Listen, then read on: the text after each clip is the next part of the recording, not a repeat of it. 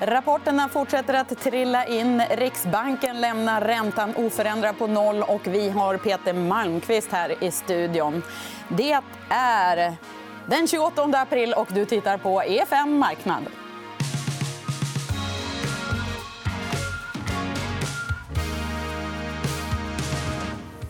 Jaha, Peter. Eh, Riksbanken lämnar räntan oförändrad på noll. Är det det nya svarta, det nya golvet? Ja, jag tycker det. Och jag tycker det är klokt. Det har varit ett försök med minusräntor under nästan fem år. De har lämnat det.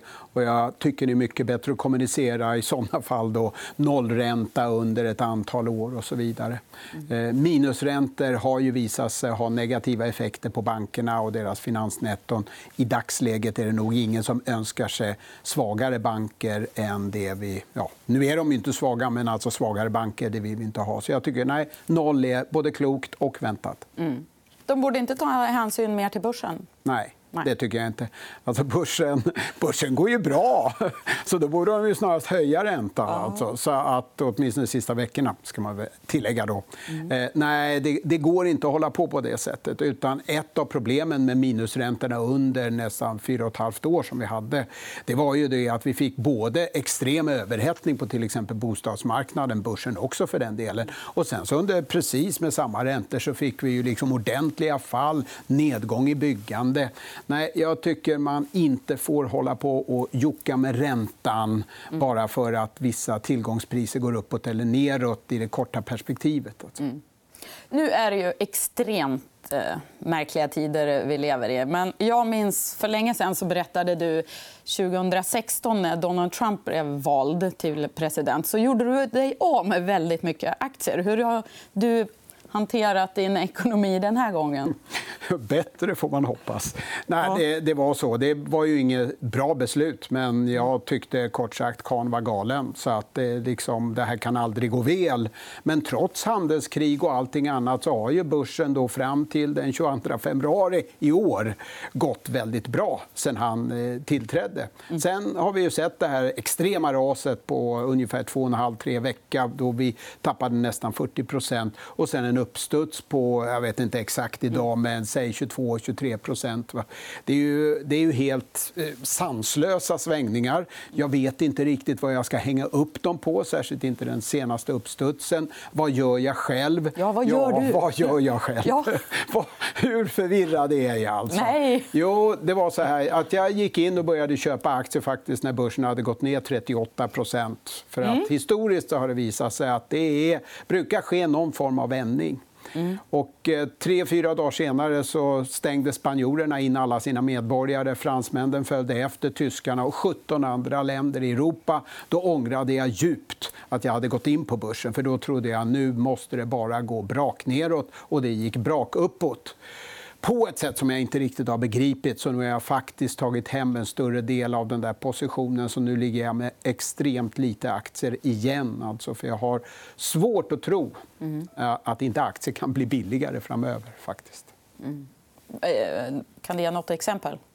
Ja, det, det handlar ju helt enkelt om att det nästan ingen del av den europeiska ekonomin konsumerar i dagsläget. Mm. Och det här kommer få otroligt hårda återverkningar på börsbolagens vinster både under andra, tredje och fjärde kvartalet. Mm. Det här är åtstramningar som vi inte har varit i närheten av. Vi har inte sett det. Vi vet inte hur vi ska hantera statistiken. Mm. Jag kan inte tänka mig att eh, aktier har sin billigaste nivå just nu. Mm. Så därför så har jag tagit hem det. Jag tycker det är en obehaglig ja. situation. Jag tycker de europeiska politikerna är fullständigt sanslösa. Jag fattar Vad ska inte. de göra? Då? Det, de ska göra som Sverige. Mm. Varför stänga ner hela länder för att få stopp på ett virus som successivt vi har lyckats få någorlunda kontroll på? Mm genom att hålla eh, våra verksamheter öppna. Och då vet vi ju att det är ju inte någon stormande rusning till butikerna och såna saker i Sverige. Men det är i alla fall inte noll som det är i kontinentaleuropa. Det är obegripligt. Jag kommer aldrig någonsin förstå hur det kunde gå på det här sättet. Jag kommer aldrig nå till min döda kommer jag inte fatta hur de kunde gå från inga åtgärder alls till att stänga ner hela sina länder. 400 miljoner europeer konsumerar inte. Mm. Förklara det. Den Farligt spel, såklart. Nu är det inte just det vi ska diskutera just nu. Utan du har ju med dig en riktig skräckgraf här som jag tänkte vi ska börja med. Kolla den här. Ja, om det är en riktig skräckgraf. Det här är vinstutvecklingen fram till i söndags, då, eller fredags får man väl lov att säga. Och vinsttillväxten den har ju försvunnit helt och vi har fallande vinster mm. som vi kan se i den sista stapeln där. Det har blivit ännu lite värre eh, med några rapporter jag har lagt in, men det finns inte med i grafen. Mm. Det är ändå i förhållande till vad vi då upplever på det makroekonomiska området, rena rama söndagspromenaden.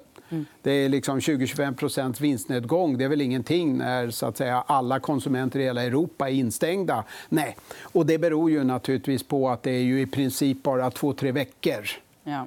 av den effekten som finns inne i det här kvartalet. Så därför som exempelvis H&M då har indikerat efter sin rapport andra kvartalet. Det blir riktigt tufft. Alltså. Mm. Men ändå kan man ju tycka att analytikerna har varit väldigt negativa. Om vi kollar på nästa graf som visar vinstutfall mot prognos. Ja, det, jag förlåter dem. Alltså, att sitta och försöka prognostisera kvartalsresultatet när allting ser bra ut fram till i princip sista februari och sen ser allting så dåligt ut så att du aldrig någonsin har sett någonting så dåligt. Va? Mm. Och försöka hitta rätt där för ett helt kvartal. Det är naturligt om man är eh, påverkad av det som händer och blir lite för negativ. Så följaktligen, de här svaga resultaten då, mm. de är inte fullt så svaga som analytikerna har prognostiserat för samma mängd bolag. Det är ungefär 35 storbolag som jag tittar på. Alltså. Mm. Och så har vi inköpschefernas eh, Ja, de visar ju på en eh, känsla för eh, framtiden. här. Ja, det är ju nu skräckfilmen börjar. Ja. Alltså, om, om man, ser, man ser det ändå tre års data och man ser ungefär vad normala svängningar är under 2017, 18, 19. Det här är nu inköpschefernas index för servicesektorn så att det är lite mer konsumentrelaterat. och Det gör att det är lite stabilare än det breda indexet som man beräknar. också. Men det är ju konsumentsektorn som nu står i fokus. Va? Och man kan ju se då att går det ner något under 50 så är det svagt. Ligger upp mot ja, 55 då är det starkt. Och helt plötsligt så fångar vi upp siffror på 10, 12, 15. Det, det här är en skräckfilm. Mm. Och det här är det som kommer in i många resultat under andra kvartalet. Mm. Så att det finns ju ingen, ingen som sitter och, och, på något sätt har några positiva utsikter de kommande två, tre kvartalen vare sig i företagen eller utanför dem. Alltså. Därav att du inte tror att börsen är på en låg nivå just nu? Alltså jag har svårt att koppla ihop den här återhämtningen. I USA till exempel så har jag P-tal som är i den övre delen av skalan mätt på de vinster och vinstprognoser som vi hade för bara några månader sedan. Ja. Och, det indikerar ju då att solen skiner, allting är bra. Uh, ungefär vi ska bara igenom den här lilla uh, orkanen eller mm. någonting sånt. Va? Jag har så himla svårt att koppla ihop de här två bilderna. och Därför så, nej, jag tror tyvärr inte att det här är börsens eh, bästa nivå att köpa aktier på. Alltså. Nej. Vi har också en graf som visar var konjunkturen i tillverkningsindustrin är på väg. Det här tror jag inte du är nöjd med heller. Nej, det förra var ju Europa. Då, framförallt fokus på den här nedstängda konsumentsektorn och vad då inköpscheferna i de företagen svarar. Och de svarar nattsvart. Eh, tillverkningsindustrin i Sverige, eh, KIs konfidensindikator, är ju en av de längsta makrokurvor vi har mm. i den svenska statistiken. Och på en månad så går den nästan ner till rekord. Det var bara 1974 då vi hade oljekris riktigt ordentligt och en hel del annat. Stigande inflation och så vidare, stigande räntor dramatiskt som det har varit svagare. Så att det här indikerar ju också snabbheten mm, i omsvängningen. Det är en enorm... Vi har, vi har aldrig upplevt någonting liknande. Och den här snabbheten är ju en extra problematik, inte minst för analytiker som ska eh, försöka prognostisera utvecklingen. Va? Så mm. att det har aldrig varit svårare, vare sig för analytiker eller för företagen. Alltså. Mm. Och som grädde på moset eller olja på vågen så har den här lagerproblematiken då i oljan fortsatt att sätta skräck i...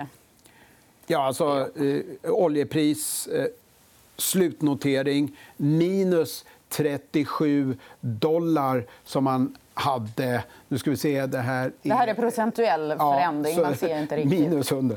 Ja. så, men alltså, vi har en notering på VTI-oljan på minus 37 dollar. Mm. Eh, det är ju ingen kurva man trodde man skulle få uppleva som analytiker. Det är ingen kurva man vill uppleva. Mm. För Det illustrerar just det totala tvärstopp i konsumentledet mm. framför allt, som vi har när då inte bara europeer utan sen också 41 stater i USA stänger ner. Ingen sätter sig längre i sina bilar och åker. Mm. Det, det, hur dessa politiker har vågat fatta den här typen av beslut, mm. det övergår mitt förstånd. Jag kommer aldrig Tvärnit fatta det. i efterfrågan som ger det är en bergvägg. Ja. Det är liksom noll. Och sen, det tar ju tid att stänga ner oljekällor, stoppa mm. raffinaderier och så vidare. Här går man från en dag till en annan till att stänga in ja, inklusive USA, 700 miljoner invånare. Det är liksom, hur, hur kan man göra det? Jag kan inte fatta det. Alltså. Mm. Hur kan man sitta och fatta de besluten? Och det är liksom det enda de gör. Det är, man går från ingenting till det beslutet i ett svep. Mm. Det, jag önskar vi... någon ska, kan förklara hur det gick till sen när allt det här har lagt sig. Alltså. Ja, vi, vi har ju pratat om det här i oändligt många program. Och det, är ju, det är ju såklart eh, det är liv som står på spel, det är hårda tryck från väljare. Det, ja, vi kan diskutera det här i, i länge, men det, jag förstår din eh, man upprördhet. man kan diskutera det, men nog måste alla hålla med om att det måste finnas någonting mellan att inte göra någonting och trycka på kärnvapenknappen. Mm. Det måste finnas några steg däremellan. Ja. Japan har gjort de stegen, Sverige har gjort de stegen och det går. Och man får allvarliga konsekvenser på ekonomin. Det ser vi i Sverige. Det är inte så att detaljhandeln frodas eller restaurangerna eh, har några rekord. Va? Men att det, det, är i alla fall bättre än noll. Oerhört mycket bättre än noll. Mm. Så att det är det som, som... Jag kommer aldrig förlåta dem och jag kommer aldrig begripa hur politikerna kunde agera på det här sättet. Mm. Alltså. Ska vi ta och titta på en bransch som har rapporterat här i Sverige idag. Tre stycken byggbolag har kommit med rapporter. JM, mm. NCC, Skanska. Bägge upp en runt fem, eller alla tre upp ungefär 5% på rapporterna. Vad... Här har vi eh, deras utveckling senaste året. Vi mm. kanske skulle haft en längre kurva. för de... Ja, berätta, vad ser vi? Eh, om vi hoppar lite innan den här kurvan så fick de en rätt ordentlig snyting när då fastighetspriserna i Sverige, bostadspriserna åkte ner. Byggandet har åkt ner ganska kraftigt, även mm. om det började plana ut nu sista mätningarna. Mm. Sen så har det gått upp, vänt upp och sen kom ju då även för byggbolagen en ordentlig snyting i eh, den generella börsnedgången. Och sen har de vänt upp. Och vi kan Titta... gå in på femdagarsgrafen också. Mm. Där, titta. Mm. Ja, den, den gick undan. Och, och, då kan man ju då konstatera att eh, de här rapporterna är ju relativt vad det skräckscenario som jag sitter och pratar om här eh, väldigt bra. Ja. Alltså det är ju bättre än väntat tror jag, i två av tre i alla fall. Och det är absolut inte dåligt i, mm. i JM på något sätt. Jag tror det är till och med tre av tre om jag minns rätt. Mm. Så att det är väldigt fina siffror.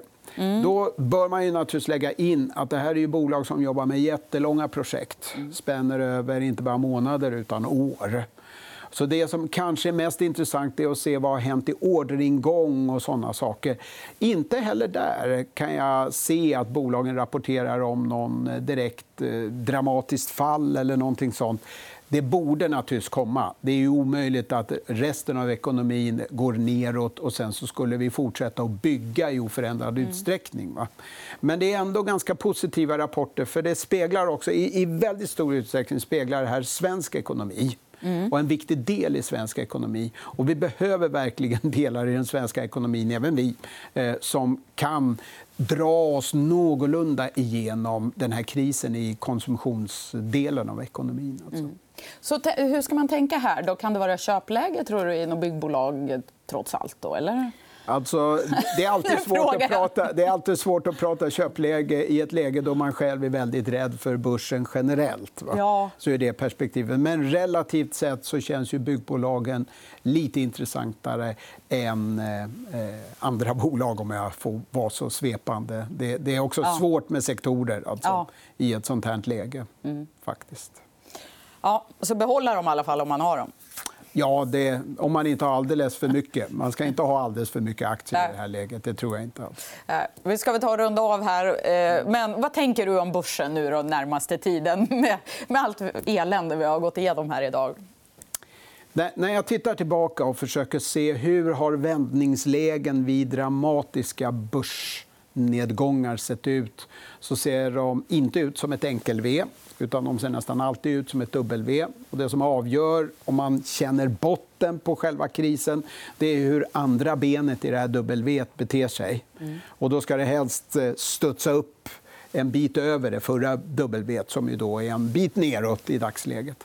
Så jag skulle gissa att i takt med att den här makroekonomiska statistiken trots allt väller in då, så kommer placerarna bli lite bleka om nosen och eh, ta några steg tillbaka. Så jag tror att det går att köpa aktier billigare framöver. Om det sen blir i höst eller om det blir under, under de närmsta månaderna det vågar jag inte säga. Men i takt med att vi nu ser hur illa de här politiska åtgärderna har ställt till det i ekonomin så tror jag att eh, vi blir ändå lite bleka. Nu är det så där så att det har gått så fort så att vi, vi har nästan in några enstaka kurvor och så där som kan visa att det här ser inte bra ut. Va? Mm. Men vi har inte jättemycket att gå på än så länge. Och ja, så börjar det stiga och då känner vi att ja, det kanske inte är så farligt i alla fall. Det är ju bara ett virus. Det kan väl inte vara hela världen. Och absolut, viruset är helt ointressant ur ett ekonomiskt perspektiv. Det är åtgärderna för att stoppa dem som är allt annat än ointressanta. Och det är det som statistiken framöver kommer visa. Och då tror jag att placerarna blir lite försiktiga igen. Alltså. Mm. Mycket intressant. Stort tack för att du tog dig tid att komma hit. Tack. Imorgon så gästas vi av Marcus Fridell. Och då ligger fokus på investmentbolagen. Missa inte det. 11.45 imorgon. Hej så länge.